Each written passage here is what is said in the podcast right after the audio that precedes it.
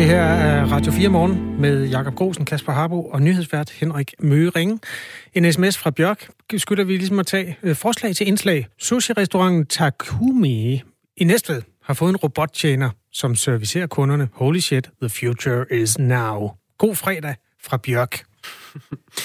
At, øh, det synes jeg, jeg har hørt om før, det der med, at øh, restauranter, sushi-restauranter faktisk primært har robottjenere. Men er det den første? Jeg er ikke bekendt med det. Kan du svare på det? Det er den første i Næstved, tror jeg. Der findes øh, selvfølgelig rullende sushi, men tjenere, det er alligevel next level. Mm. Det, øh, det var bare for at kvittere for, at Bjørk har sendt ind på eget initiativ. Det vil vi gerne have. Skud ud til Bjørk og til Takumi i Næstved, som øh, nok kan se frem til at blive overrendt i aften, når folk, der skal ind og se giraffen. Øh, Mads har skrevet, det er så relateret til, og det skylder jeg lige at sige, før jeg læser hans uh, sms højt, til at den kontroversielle, gigantiske tech-gigant Huawei fra Kina øh, skal til at lave børnefjernsyn på YouTube i Danmark. Der har øh, vi talt med Tommy Swiggy, som skal lave det program, der hedder Tech med Tommy for Huawei.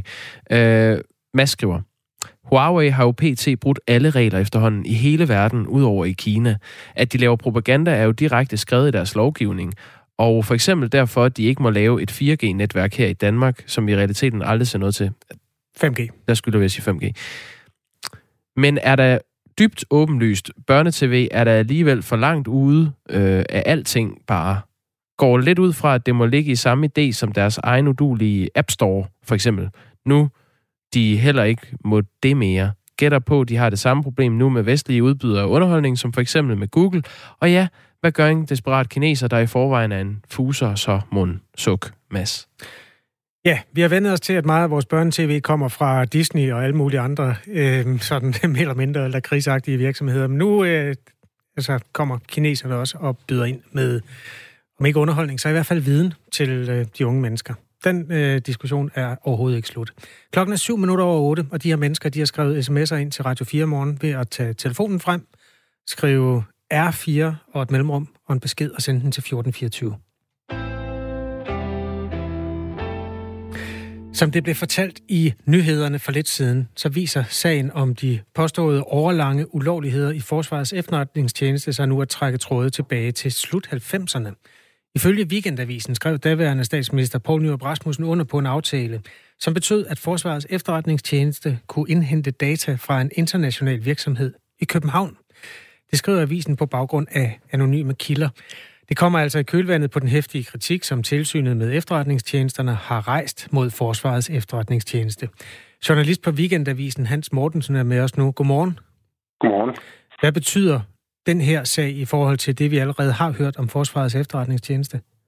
Jamen, det betyder jo, at, øh, at det begynder at handle om noget, som politikerne har vidst om, og som, øh, som har været svært for Forsvarets efterretningstjeneste at fortælle det her tilsyn i fuldt omfang. Altså, øh, det er internationale dataforbindelser. Det er ikke, det, det er ikke din og min telefonsamtale, der bliver aflyttet på den her øh, del. Øh, og, og derfor er det jo spionage som en spionorganisation som FE sådan set har som sin opgave, nemlig at, at spionere mod, hvad, hvad, der, hvad sker der i verden, og hvad truer Danmark. Så det har man ment var lovligt. Øh, man har samlet data op, og så har man så delt med sine venner i USA, som så har givet noget tilbage, når de havde noget af dansk interesse.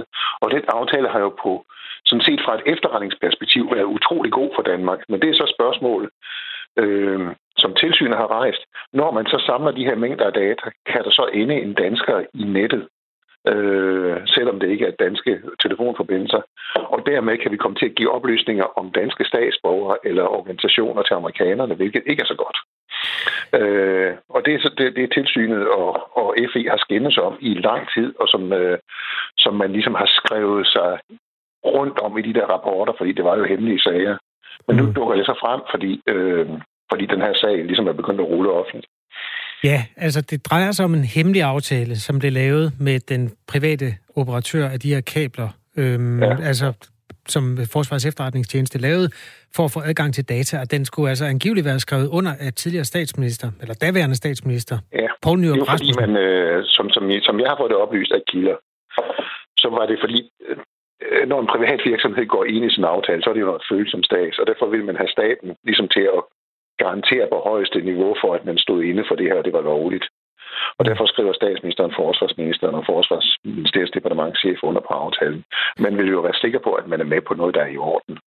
Det, der er kommet øh, frem nu, Hans Mortensen, altså hvis du lige skal hjælpe os med at forstå, hvorfor det er et problem. Altså de, de fleste vil jo gerne have, at terrorister bliver fanget og den slags. Hvorfor er det, at der er nogle, nogle steder, hvor den her går over nogle juridiske bredder?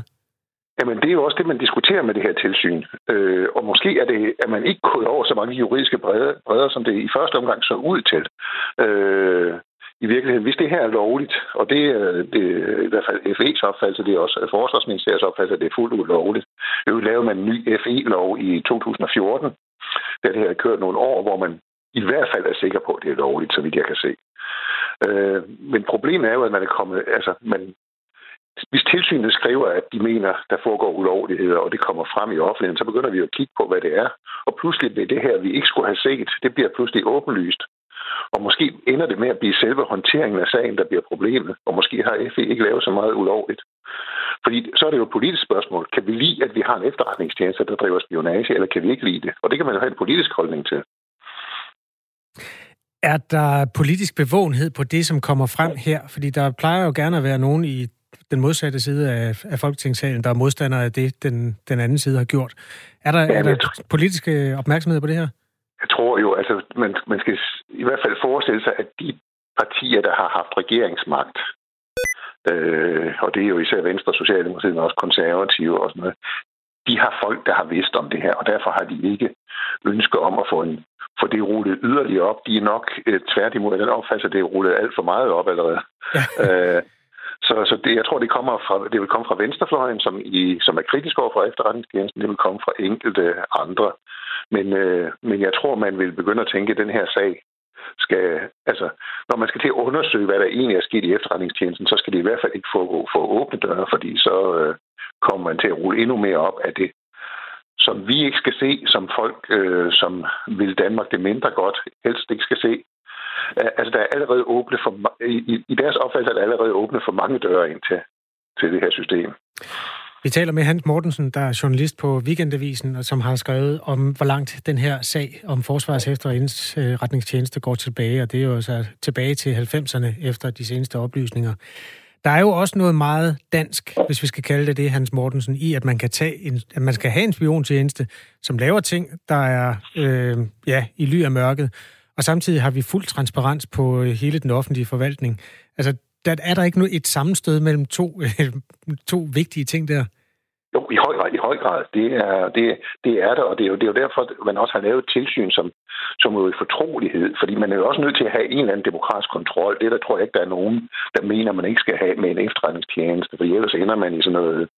Ellers, ellers kan det nemt ende galt, altså at at man får en stat i staten, og det er der ingen, heller ikke i efterretningstjenesten, øh, meget bekendt, der ønsker sig. Altså man ønsker sådan set, at der er demokratisk kontrol med det her, og politikerne øh, ved noget om, hvad der foregår. Men, øh, men det er nemlig et dilemma, hvor meget skal så frem, fordi vi, vi har en fornemmelse af, at alt skal frem i Danmark, og det er nok ikke nemt at drive en spiontjeneste så. øh, og og der, der kommer vi i et dilemma med det meget åbne samfund, vi gerne vil have, og det at drive en spiontjeneste. Det er altid en afvejning øh, af, hvor meget der skal frem, og hvor meget der ikke skal frem. Ellers kan det ikke lade sig gøre. Og det er også noget med, man har allieret, man arbejder sammen med, man giver noget til USA, til Storbritannien, man får noget den anden vej.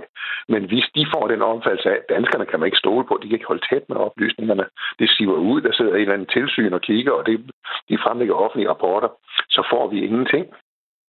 Og det er ikke i særlig dansk interesse.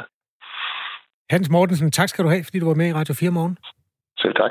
Journalist på Weekendavisen, som altså fortæller om de seneste afsløringer omkring folk, øh, Forsvarets efterretningstjeneste. Tidligere statsminister Poul Nyrup Rasmussen er jo altså en af personerne, der spiller en rolle i den her historie. Han har ikke haft lyst til at kommentere sagerne over for Weekendavisen.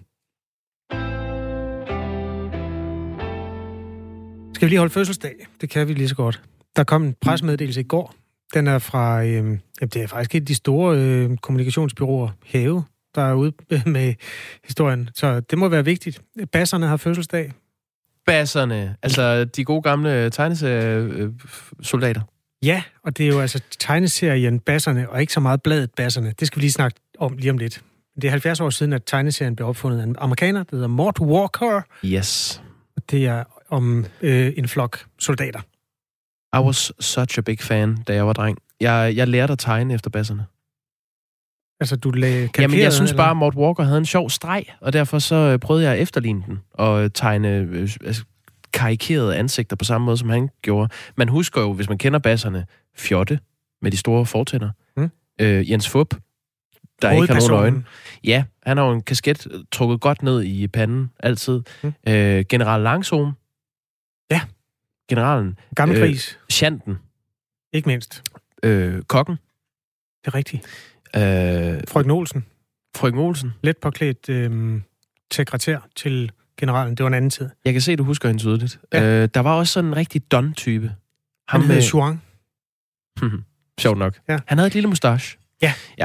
Den fylder 70 år, og øhm, det er i og for sig en lille smule sørgeligt, fordi Mort Walker kan ikke være med. Han øh, blev 97, og det er første gang, at der er 10 års jubilæum uden ham. Han afgik ved døden. Nå, men når det så er sagt, så er bladet der endnu. Det, jeg husker mest omkring basserne, jeg, købte, jeg havde også en periode i min teenageår, hvor jeg købte det hver uge, eller kom det hver 14. dag, det kan jeg faktisk ikke huske. Det kom i hvert fald med jævne mellemrum. Det var, at bladet basserne var ikke fyldt med basserne. Der var basserne cirka halvdelen, og resten, det var det arveste. Altså, der var øh, den tegneserie, der hedder Mass og Misse. Ja, det var noget værre Det var crap. noget virkelig crap. Øh, Hagbart. Ja, den var også helt stillestående. Hagar, tror jeg, han hed. Og Haggard. Ja, Hagar. Ikke uden T. Hagar. Ja, det, det var i hvert fald, ja, en øh, amerikansk tegnet vikingestribe, som også var utrolig usjov. Så var du fæhunden. det var fandme også kedeligt. Og øhm, den der øh, indianer, rødøje. Jamen, den, den husker jeg næsten ikke, fordi den sprang jeg bare over. Ja, okay. Øh, Garfield. Det var godt. Ja, det var, det var lige der Garfield kom frem. Det var en, øh, der var noget nybrud over Garfield, men resten, det var simpelthen til at lukke op at lægge et andet sted hen. Jeg er jo, øh, har jo været en øh, ung knøs i slut 90'erne, men jeg husker, at jeg har arvet min mors, og det er nemlig min, min mors gamle basserne blade. Og øh, det var altid, det var sådan nogle, udover der var sådan nogle sjove Jolly Cola øh, 80'er reklamer, og meget tætsiddende t-shirts med Mickey Mouse, man kunne vinde og sådan noget. Øh, så har, mit kendskab bygger på 70'er og 80'er bladene af basserne. Øh, vi kan da lige tage et citat fra den der presmeddelelse. Gitte Hoffmann Hansen er marketingchef hos Egmont Publishing, og hun siger noget pænt om basserne her. Basserne er intet mindre end en tidløs tegneserie sensation. Når man tænker på, hvor meget verden har forandret sig gennem de seneste 70 år, er det dybt fascinerende, at basserne har formået at bevare sin relevans og tiltrækningskraft hele vejen igennem, skriver hun. Ah, øh, godt spørgsmål, jeg sidder inde med nu. Ja. Det udkommer jo stadigvæk, basserne. Ja. Øh, hvem tegner dem i dag? Øh, blandt andet en dansker. Der er, der er en dansker, der hedder Henrik Rea, der øh, lægger nogle af stregerne. Men det er jo et, et korps. Det er jo ligesom det er med Disney-bladene. Okay, men ja. Altså, det var ikke ham, den gamle 97-årige, der og tegnede alle bladene. Troede du det? Nej, men hvor længe, hvor længe tegnede han striberne? Det ved jeg ikke. Det er ikke lige Han undersøgt. opfandt den bare, og så kørte det derudad. Det, det, det, Ligesom, det, øh, det finder ja. vi ud af. Ja. Det allerbedste spørgsmål, eller dit, det var rigtig godt, men Tak skal det næstbedste spørgsmål så, det Okay. er, kunne man lave sådan en tegneserie i dag? Altså, det er jo en amerikansk tegneserie, der handler om soldater. Verdens mest krigsførende nation, USA, udgiver et blad med soldater. Kan man det? Vil den gå i 2020? Jeg kunne godt være bange for, at man ikke kunne. Det kunne jeg også. Tillykke til basserne. 70 år. Klokken er 19 minutter over 8. Og øh, nu vi er i tegneseriens univers, Kasper, så kan jeg jo fortælle dig, at Batman har fået corona. det fortæller det her. Og jeg, jeg hader principielt, når øh, man som journalist laver en artikel, hvor man vinkler på en eller anden karakter, en skuespiller, altså maskerende død, eller sådan noget. Men det har man altså gjort her. Batman har fået corona. Grunden til, at jeg nævner det, det er, fordi det faktisk får indvirkning på Batman-filmen. Nu sidder du og ligner et stort spørgsmålstegn for, hvem spiller Batman nu? Ja, jeg kan ikke huske det. Det er en eller anden nobody, ikke? Nobody. Det er Robert Pattinson, Ja. kendt fra Twilight-filmene. Okay. Han har fået Nå. corona. Han har fået corona, og det har betydet, at øh, selvom øh, den her optagelse af Batman faktisk har haft en øh, 6 måneders coronapause, så er den sat på pause igen nu, øh, fordi han har fået corona. Jamen, øh, Og det betyder, at det, det kan få øh, ja, konsekvenser for premieren på filmen. Den stod til at udkomme i juni 2021. Der er lige kommet en trailer, som jeg personligt synes øh, ser lidt goth Green Day-agtig ud. Øh, men det, kan være, den bliver endnu øh, mere udskudt, den her premiere. jamen altså. Øhm, der er ingen, der går fri. Batman har fået corona. Og hvad var det, der skete med Superman? Ja, han faldt af en hest. Den var næsten endnu værre. Ja. Christopher Reeve. Øhm, når det så er sagt, så øhm, skal vi huske at sige, at der er mange mennesker, der ikke har fået corona i dag. Og klokken er 20 minutter over 8.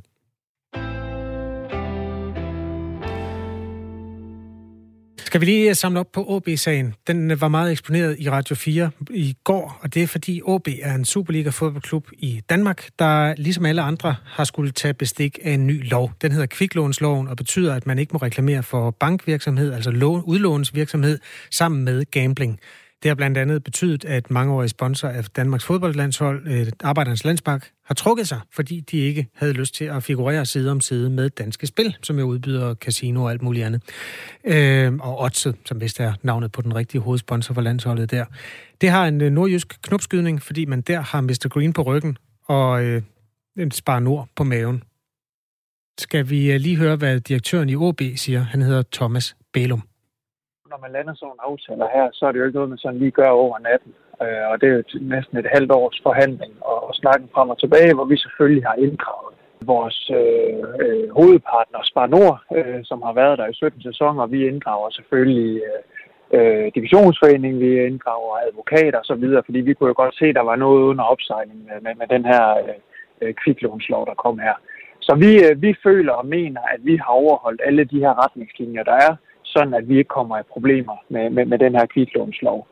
Øh, som vi for øvrigt også øh, mener bør præciseres, da øh, den, øh, den stadigvæk måske giver flere, øh, flere spørgsmål, end den giver, giver svar. Så, så jo, inden for de rammer, der er nu her, der, der mener vi, at, at det setup, vi laver nu her, det, er, det, det holder. Der er diskussion på Christiansborg, om man skal tage den lov op en gang til og lave et nyt stykke arbejde. Indtil videre er der ikke øh, noget målbart flertal for at lave kviklånsloven øh, om, og derfor er det altså op til virksomhederne at finde en løsning på det. Den måde, man løser det på i OB, er ved, at øh, i stedet for at bruge sådan hovedbrandet Spar Nord, så bruger man det underselskab, der hedder Sparno Leasing, som er noget med landbrugsmaskiner og forskellige andre ting, som i hvert fald ikke associeres med øh, lån, som man kan bruge til at spille op på et casino. Og jurist øh, Heidi Holmark Helve øh, vurderer, at det rent faktisk får den til at lande inden for skiven for OB's vedkommende. Og pointen er jo, øh, er det sådan, at når forbrugerne så ser det her øh, billede af Spar Nord leasing øh, tryk på en t-shirt, vil forbrugeren så komme til at tænke på Spar Nord, eller vil de komme til at tænke på Spar Nord leasing? Og der er det selvfølgelig af betydning, øh, hvor tydeligt det fremgår, at det her det er Spar Nord leasing. Så derfor vil jeg faktisk øh, være tilbøjelig til ikke at sige, at det var en omgåelse. Det, der vil ske, hvis øh, der bliver overtrådt regler i den her sammenhæng, altså at en bank optræder side om side med et bettingselskab, det er, at det rent faktisk er banken, der øh, vil blive sagsøgt og må tage en straf. Og det er også grunden til, at Arbejdernes Landsbank vurderede, at det var for farligt at figurere side om side med oddset i reklamerne på øh, øh sponsoraterne på Danmarks herrefodboldlandshold. I øh, Nordjylland stoler man altså på den og lader spillerne løbe med banken på maven og spilleselskabet Mr. Green på ryggen, når øh, der er sæsonpremiere i Superligaen, og det er for OB's vedkommende den 13. september. 27 migranter har i knap en måned været i øh, juridisk og diplomatisk limbo på det skib, der hedder Mærsk Etienne i øh, Middelhavet. Migranterne blev samlet op fra en synkende båd, men lige nu må de ikke gå i land noget sted, og ingen vil tage ansvar for dem. Den danske regering meldte i sidste måned ud, at man arbejder på at hjælpe med en løsning, men indtil nu så ser det ikke ud, som om der er sket noget. Godmorgen, øh, Kåre Dybvad. Godmorgen. Fungerende udlænding og integrationsminister. Øh, er der sket noget? Jamen, der er sket det, at vi arbejder sådan set stadig diplomatisk på at finde en løsning med et af de lande, som er i regionen, men der er ikke sket noget øh, siden øh, i går aftes, for eksempel, da det var i fjernsynet. Nej, det, det er den 20. august, de sagde, at de øh, arbejdede på en løsning for at få de her 27 mm-hmm. mennesker i havn, og, og der har de så været i 16 dage. Hvad har I konkret gjort? Jo, men vi har arbejdet diplomatisk og har forbindelse til de lande, som er i den region, og prøvet at finde en løsning, som alle kunne være tilfredse med, og det er vi ikke lykkes med endnu. Men det fortsætter vi selvfølgelig med. Mærsk Arving og administrerende direktør i øh, AP Møller Holding, Robert Mærsk Ukla, han har skrevet i et opslag på LinkedIn, at øh, de desperat venter på en løsning, og han nævner, at der er en gravid kvinde, og at øh, migranterne blev reddet efter anmodning fra Malta. Nu har de så været ombord i en måned under det, han kalder uacceptable levevilkår. Så skriver han yderligere, yderligere. Sagen skaber en frygtelig præcedens for den globale handelsflåde og Middelhavets handelsbane. Vores selskab har reddet flere tusind mennesker gennem årene, men vi kæmper med at komme i tanker om en sag, hvor et skib og dets besætning har været efterladt uden hjælp fra myndighederne i så lang tid. Det er altså Robert Mærsk Ukla, der skriver det. Øh, hvorfor er det, at, at det ikke er lykkes jer at, øh, at finde en løsning? Ja, men det er jo en del af den diplomatiske øvelse, som der er dernede, og det tror jeg ikke, at jeg fremmer sagen ved øh, at, at udlevere detaljerne omkring, hvad for nogle uenigheder der er. Men, men grundlæggende set, så har han jo ret i, øh, at det er en meget uheldig sag, og at øh, besætningen på det skib har gjort et stort stykke arbejde øh, for os at tage sig af de her migranter. Men omvendt må man jo også sige, at det har nogle meget, meget vidtrækkende konsekvenser, både for dansk asylpolitik, men også for den danske handelsflåde og alle de skib, der sejler under dansk flag, hvis det bliver sådan, øh, at det at gå ombord på et dansk flagskib gør, at man får mulighed for at søge asyl i Danmark. Det skete den 4. august, hvor et øh, maltesisk øh, redningscenter bad øh, Mærsk-skibet om at sejle hen til en gruppe migranter, som var ombord på en lille motorbåd og var... Øh, der skulle skibet være klar til at hjælpe, hvis der var brug for det. Og dagen efter evakuerede Mærsk-skibet migranterne fra båden, som sank kort tid efter. Og siden da har Mærskibets øh, besætning altså ventet øh, på en løsning på det her skib. Øh, migranterne må altså ikke komme i land. Skibet er slet ikke bygget til at huse så mange mennesker, og slet ikke øh, kvinder og, og børn. Hvad mener du, der skal ske med dem? Jamen, jeg mener grundlæggende, at de skal øh, sættes i land i et land i den region, hvor de er blevet samlet op. Øh, og så øh, vil der måske være nogle af dem, der vil søge asyl, og så må man behandle dem efter de procedurer, som der er.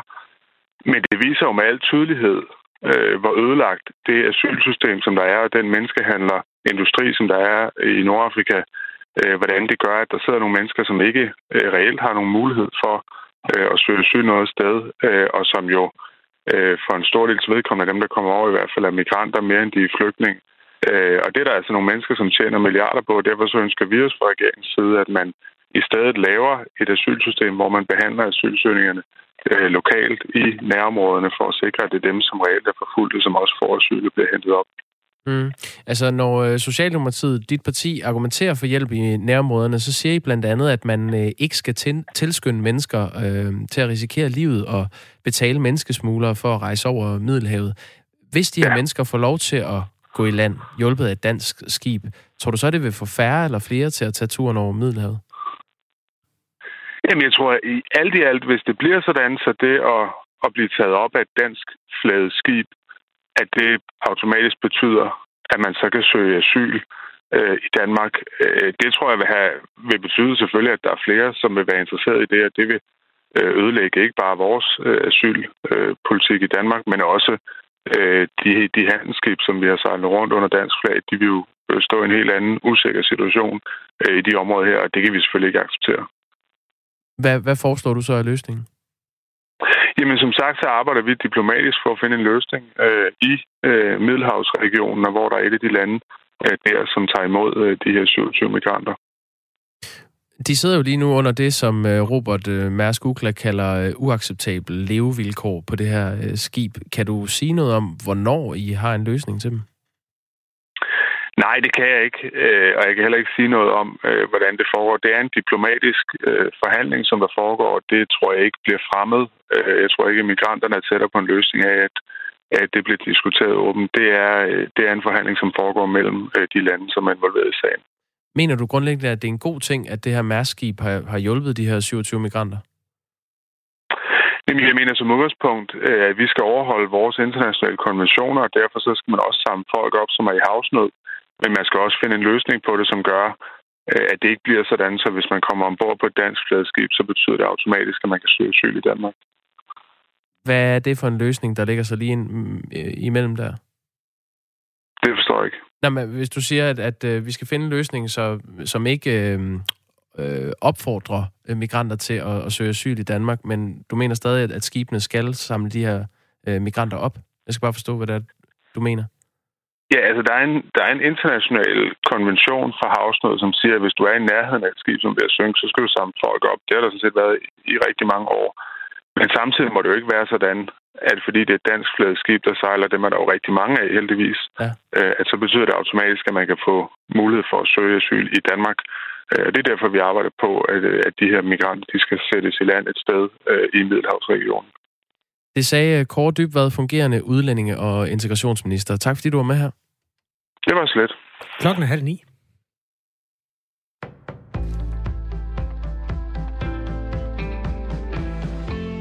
Målsætningen om en million elbiler kan blive dyr for bilejerne. Det fremgår af Bilkommissionens rapport, skriver politikken. Da kommissionen blev nedsat sidste år, var det for at finde en udgiftsneutral måde at få en million flere elbiler på vejene i 2030. Ifølge avisen foreslår kommissionen i sin rapport, der offentliggøres på mandag, at skrue på blandt andet et CO2-tillæg, registreringsafgiften og ejerafgiften.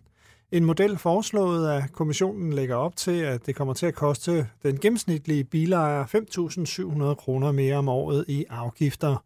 Og det må gerne koste ekstra for dem med benzin- og dieselbiler, siger SF's klimaoverfører Signe Munk. For SF, der øh, mener vi, at hovedparten af regningen det må betales øh, af bilejerne med de fossile biler. Øh, så det er vores øh, rettesnor finansiering.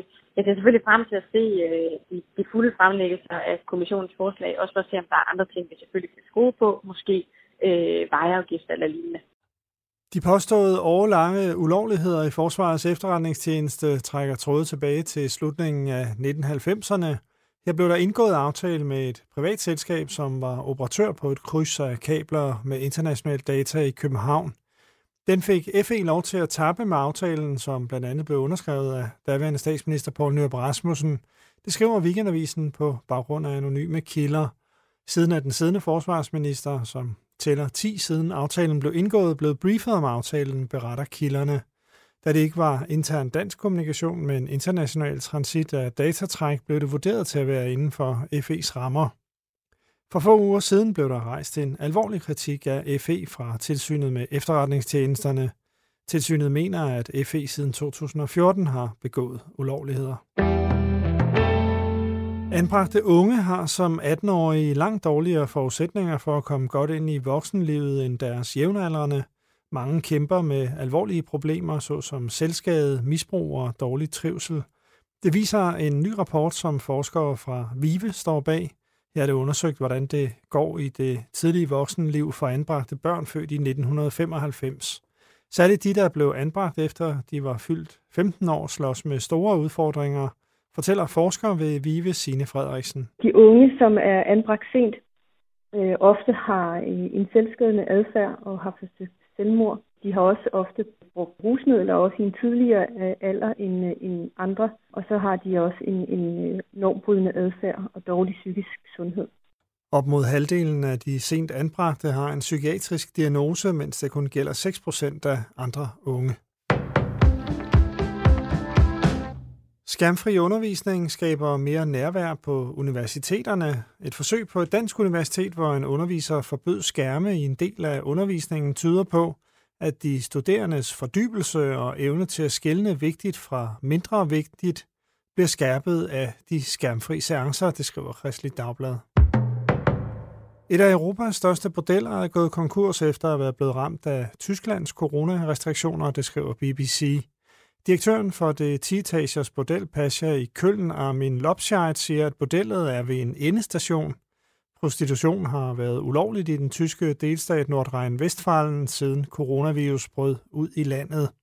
Omkring 120 prostituerede arbejder normalt på Pasha, som desuden har 60 andre medarbejdere, inklusive kokke og frisører. Mest skyde, men også lidt sol og spredte byer, 16-20 grader.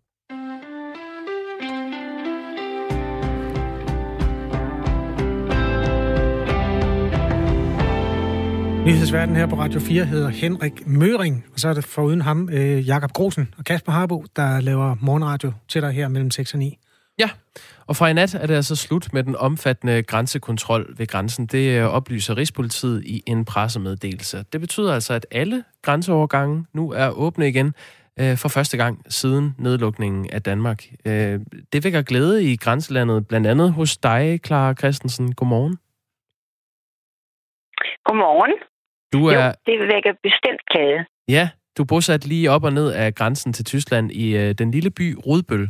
Og øh, det er noget med, at du har rent praktisk været lukket inde af den her grænselukning. Prøv lige at, at forklare, hvordan det, det hænger sammen. Jamen, det hænger sådan sammen, at i Rudbøl, der er vejen jo delt på den ene side af det Danmark, og på den anden side af det Tyskland. Og så valgte man jo at sætte betonklodserne op for enden, hvor, hvor, hvor, hvor, øh, hvor det ender. Og der bor jeg som det sidste ned på den ene side, så derfor har jeg været spærret inde i, i princippet i Tyskland. Altså, det vil sige, at, at det er blevet sat op på den forkerte side af dit hus? Øh, ja, det kan man nok sige. Altså, altså vejen ender jo øh, med, med Danmark på den ene side og Tyskland på den anden side op ved søen. Og, og der har man så valgt at sætte betonklodserne og, og nu bomben, ikke? Men, øh, men der bor jeg jo altså på den ene halvside inden for øh, det stykke, hvor, hvor vejen er delt, hvor der er tysk på den ene side og dansk på den anden side. Hvad er det så betydet for dig, når du skulle øh, køre til, til Danmark, så at sige? Jamen altså, de første tre måneder, der var jeg jo helt indespærret. Hvis ikke jeg havde øh, fået min bil ud den 14. marts, så havde jeg ikke kunne komme nogen steder. Øh, jeg fik øh, min bil ud den 14. marts, da de satte øh, betonklodserne op, og der fik jeg lov til at parkere hos naboen. Ellers så kunne jeg, så kunne jeg ikke komme, komme nogen steder. Fordi det gik jo et par dage, så sagde tyskerne også, at vi danskerne ikke måtte komme til Tyskland.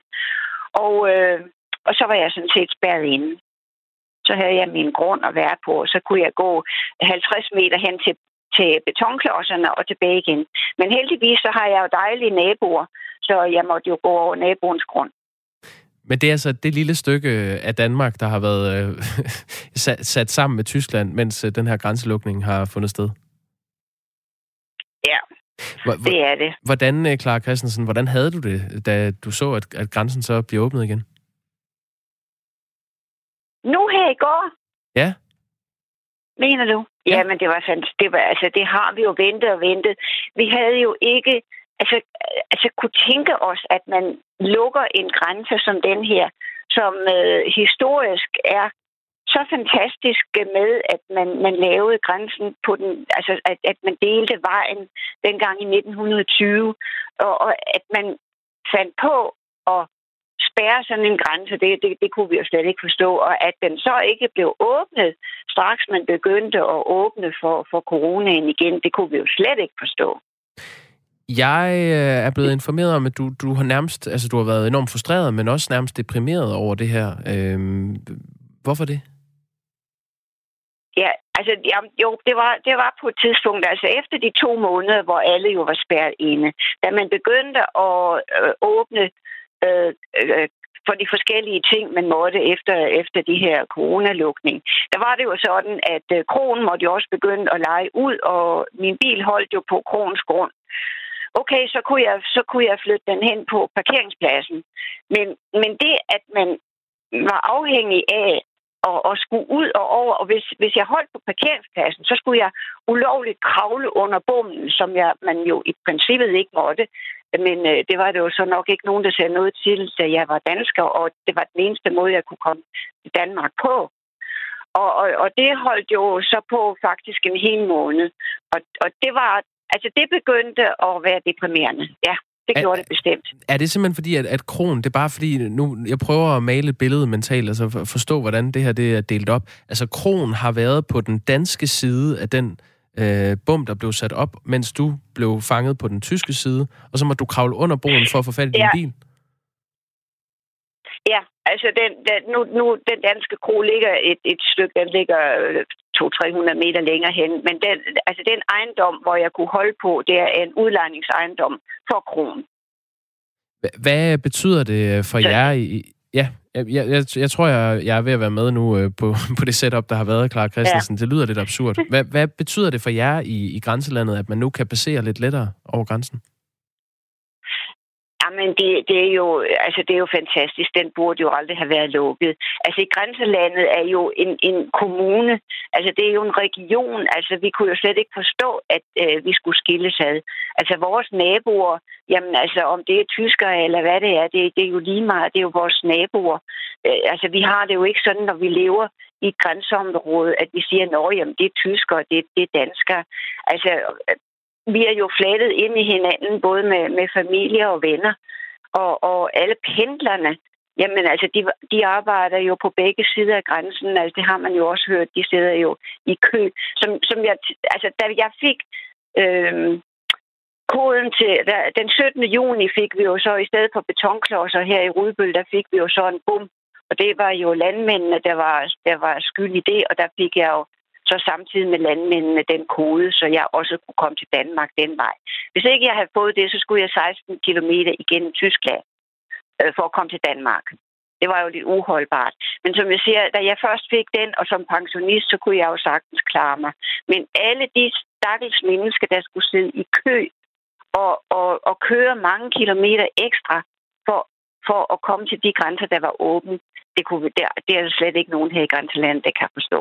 Altså alle erhvervsfolk, alle kroer, alle øh, forretninger, og, og ikke mindst jo også landmændene, men de, de fik jo så også en kode. Men et bøvl at komme op af maskinen og ned af maskinen og låse den der øh, låse op, som drillede øh, øh mange gange, altså indimellem også gik i stykker, øh, jamen det har, været, det har været ganske, ganske øh, skrækkeligt. Ja, det, lyder, det lyder meget bøvlet. Men øh, altså, man gjorde det jo for ja. at, at få styr. Det var en politisk beslutning, man øh, traf øh, for at få styr på coronasmitten øh, her i, i Danmark. Det, det skal vi bare lige sige, når vi, når vi taler om den her grænselukning. Men har du, øh, Clara Christensen, øh, følt, at det samfund, du bor i, er blevet hørt i den her sag om grænsernes både lukning og nu åbning igen?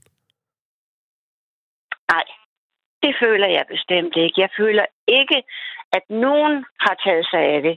Altså, vores egen politikere, jeg prøvede engang at skrive en, en uh, mail til uh, anden uh, borgmester derinde. Hun svarede slet ikke. Min nabo har skrevet til en, hun kendte. Han svarede dog, men slog ud med armen og sagde, at det var ikke et lokalt politisk problem. Og det kunne vi jo altså ikke forstå, at, at det ikke skulle være et lokalt politisk problem. Altså, vi, vi, vi, vi, jeg, jeg tror, jeg sammen med pendlerne og øh, kroejerne og øh, øh, landmændene altså, øh, har rystet på hovedet og sagt, jamen er det der ingen hverken politikere eller historikere, der tager sig af, at, at vi har de lukkede grænser. Det, det giver ingen mening, hvis du vidste, hvor mange mennesker, der kommer kørende her. Fordi det har jo ikke stået nogen steder. Det har bare stået, at grænserne har været åbne. Men, men, men de fortalte ikke, at det kun var fem grænser, der var åbne. Hvis du vidste, hvor mange mennesker, der har været her og vende, og det giver jo ingen coronamening, at de vender her og kører til Syderlygum og sidder i kø. Det gør det ikke. Clara Christensen, bosat i øh, Rødbøl nær den dansk-tyske grænse, og altså igen, øh, grænserne er åbne, og det er fredag, og nu bliver alting godt igen. Ja. ja. Tak fordi du var med. Ja, dejligt. Ja, det er skønt. Tak. Det er godt. Ja. Hej igen. Klokken er 8.43, og jeg synes, vi skal øhm, have en, en lille kulturhistorie. Det er øh, sådan, at hvis man vil vide, hvad der bliver streamet, og hvad der bliver solgt meget af inden for musik, så skal man på hitlisten.nu, som er en officiel hitliste. Den er sat sammen af simpelthen en, en algoritme, der på en eller anden måde samkører både den musik, der bliver købt, og den, der bliver lyttet via streamingtjenester. Mm. Der er ikke noget øh, sådan virkelig spændende i dem, der ligger oppe i toppen. Fordi Kender det du dem overhovedet? Hvad er det, vil sige? Jeg har da set Casey på Grøn Koncert slap dog af. Nå, okay. First mover. Okay. Men øh, nej, nej. Øh, der er, jamen, jeg kender dem godt, men jeg kender noget bedre ham, der ligger nummer 36. Hvem er det? Jamen, ham kender du faktisk også. Nu skal jeg se, om jeg kan... Jeg kunne fortælle, hvem der er. Vi kan også bare høre den. Det, det jeg tror bare, vi hører den. Det, vi tager lige den der. Sådan der. Det er en mand... Han er jo død nu. Det skete for to år siden, men der var rigtig mange, der godt kunne lide ham, da han levede. Han hedder Kim Larsen. Åh, oh, den Kim Larsen. Ja, og albumet Fantastisk. her. Jamen, vi, vi tager lige og vender hver en sten sag. Nu, nu får vi lige lidt musik.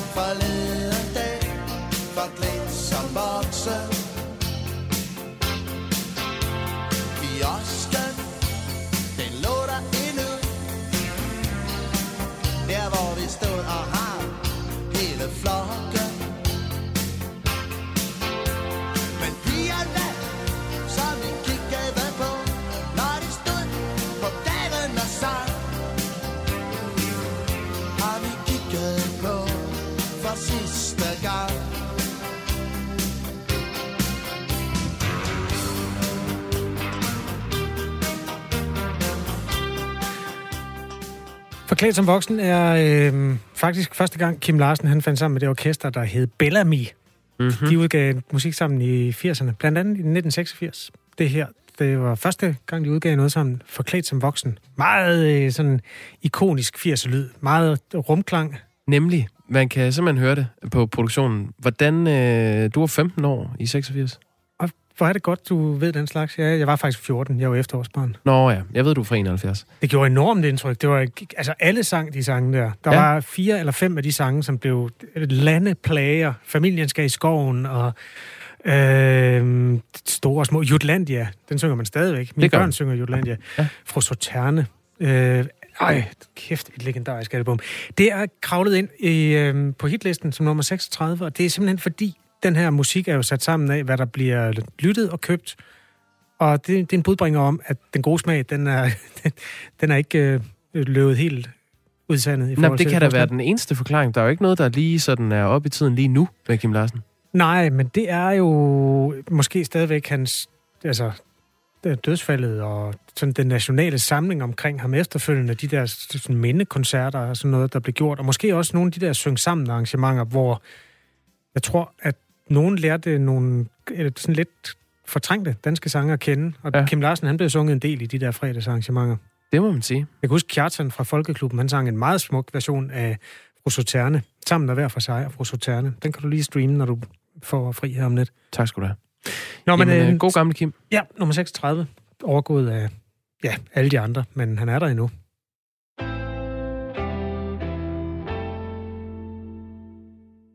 Nu skal vi til en trist sag, eller måske øh, i hvert fald potentielt. Sagen er den, at en 21-årig kvinde øh, er forsvundet fra sit hjem i det sydlige Aarhus, og det har hun været siden onsdag. Hendes navn er Sofie Hauge Kynep. Det er jo en sag, som politiet er på, og medierne har skrevet en del om. Og den får meget opmærksomhed, også fra et korps af frivillige. Vivian Winter Eriksen er en af dem. Hun er kontaktperson for øh, Sofies familie, og hun er fra den organisation, der hedder Missing People. Godmorgen. Godmorgen. Øh, det, jeg siger simpelthen øh, valgt at tage del i den her eftersøgning. Hvorfor? Det er fordi, vi har fået en anmeldelse fra, øh, fra Sofias familie om, at de gerne vil øh, bruge vores hjælp. Hvordan griber I det an som organisation? Jamen, vi griber det an på den måde, at når der er sådan, der kommer anmeldelser fra, øh, fra pårørende, jamen, så retter vi henvendelse til politiet og anmoder en tilladelse til at bidrage på sagen. Og det har vi jo fået ved øh, Sofia-sagen her.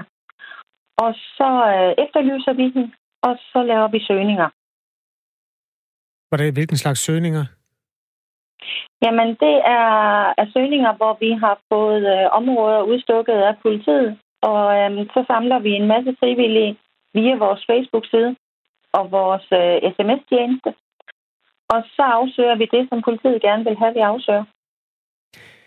Den her 21-årige kvinde, hun hedder som sagt Sofie Hauge Kynep, og hun øh, tog fra sit hjem øh, onsdag morgen, skråstrej formiddag, øh, og er ikke blevet set siden da. Øh, hvilke tanker gør I jer om, om hendes forsvinden? Jamen, øh, de tanker, vi gør, det er, at, øh, at hun øh, ikke er kommet hjem som, øh, som aftalt, øh, og at hun, øh, at hun er alene derude og selvfølgelig skal hjem. Der Så vi, øh, vi søger efter hende, som, som vi gør ligesom alle andre. Det hører med til historien, at øh, vi jo har politi, der også varetager den slags her til lands. Øh, Østjyllands politi oplyste i går aftes på Twitter, at eftersøgningen blev indstillet på grund af mørket, men bliver genoptaget her til morgen. Hvad betyder det for familien, at øh, så mange har hjulpet med at lede Vivian Winter Eriksen?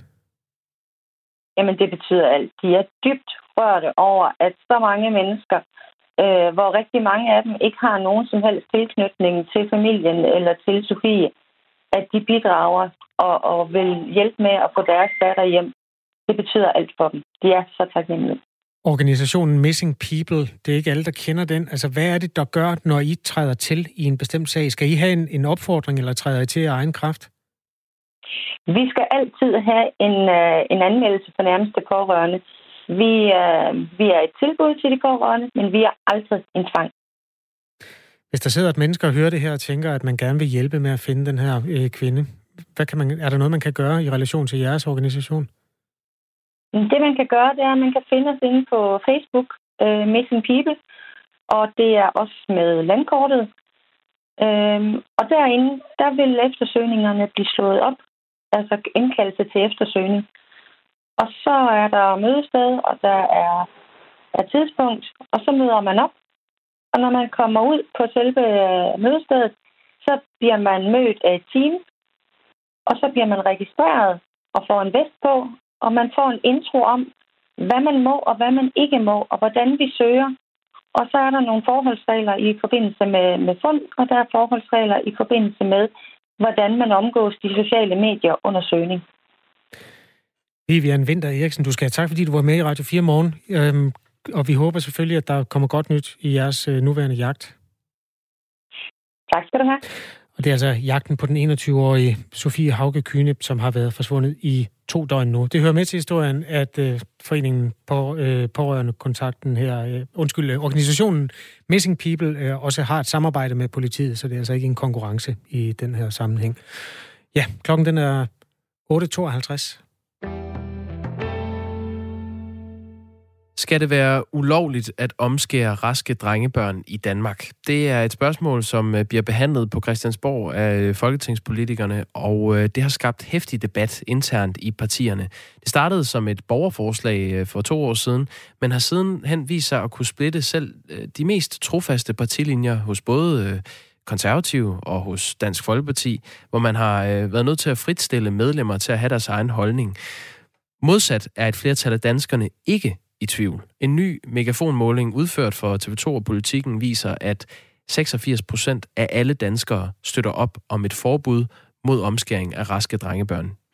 Tidligere på morgenen, der talte vi med Shair Melchior, der er overrabiner i Danmark, og vi spurgte ham, hvorfor det er så vigtigt som jøde at blive omskåret. Omskærelsespakten er noget, som er den første bud, vi har som jøder. Det er en af de kerne øh, bud, vi har allerede fra første, første Mosebog. Jeg ved godt, det, det betyder ikke så meget for nogen, som er ikke troende, men for troende mennesker er det faktisk noget meget, meget, meget vigtigt. Øh, men udover det hos jøder er det også noget, som er bredt ikke kun til de troende. Det er noget, alle gør.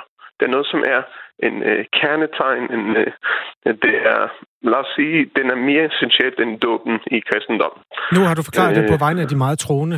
Hvorfor er det nej, vigtigt nej, for de ikke-troende? Nej, men undskyld mig, men det er fordi, du siger, at også de ikke-troende gør det. Men hvorfor er det vigtigt ja. for de ikke-troende, tror du?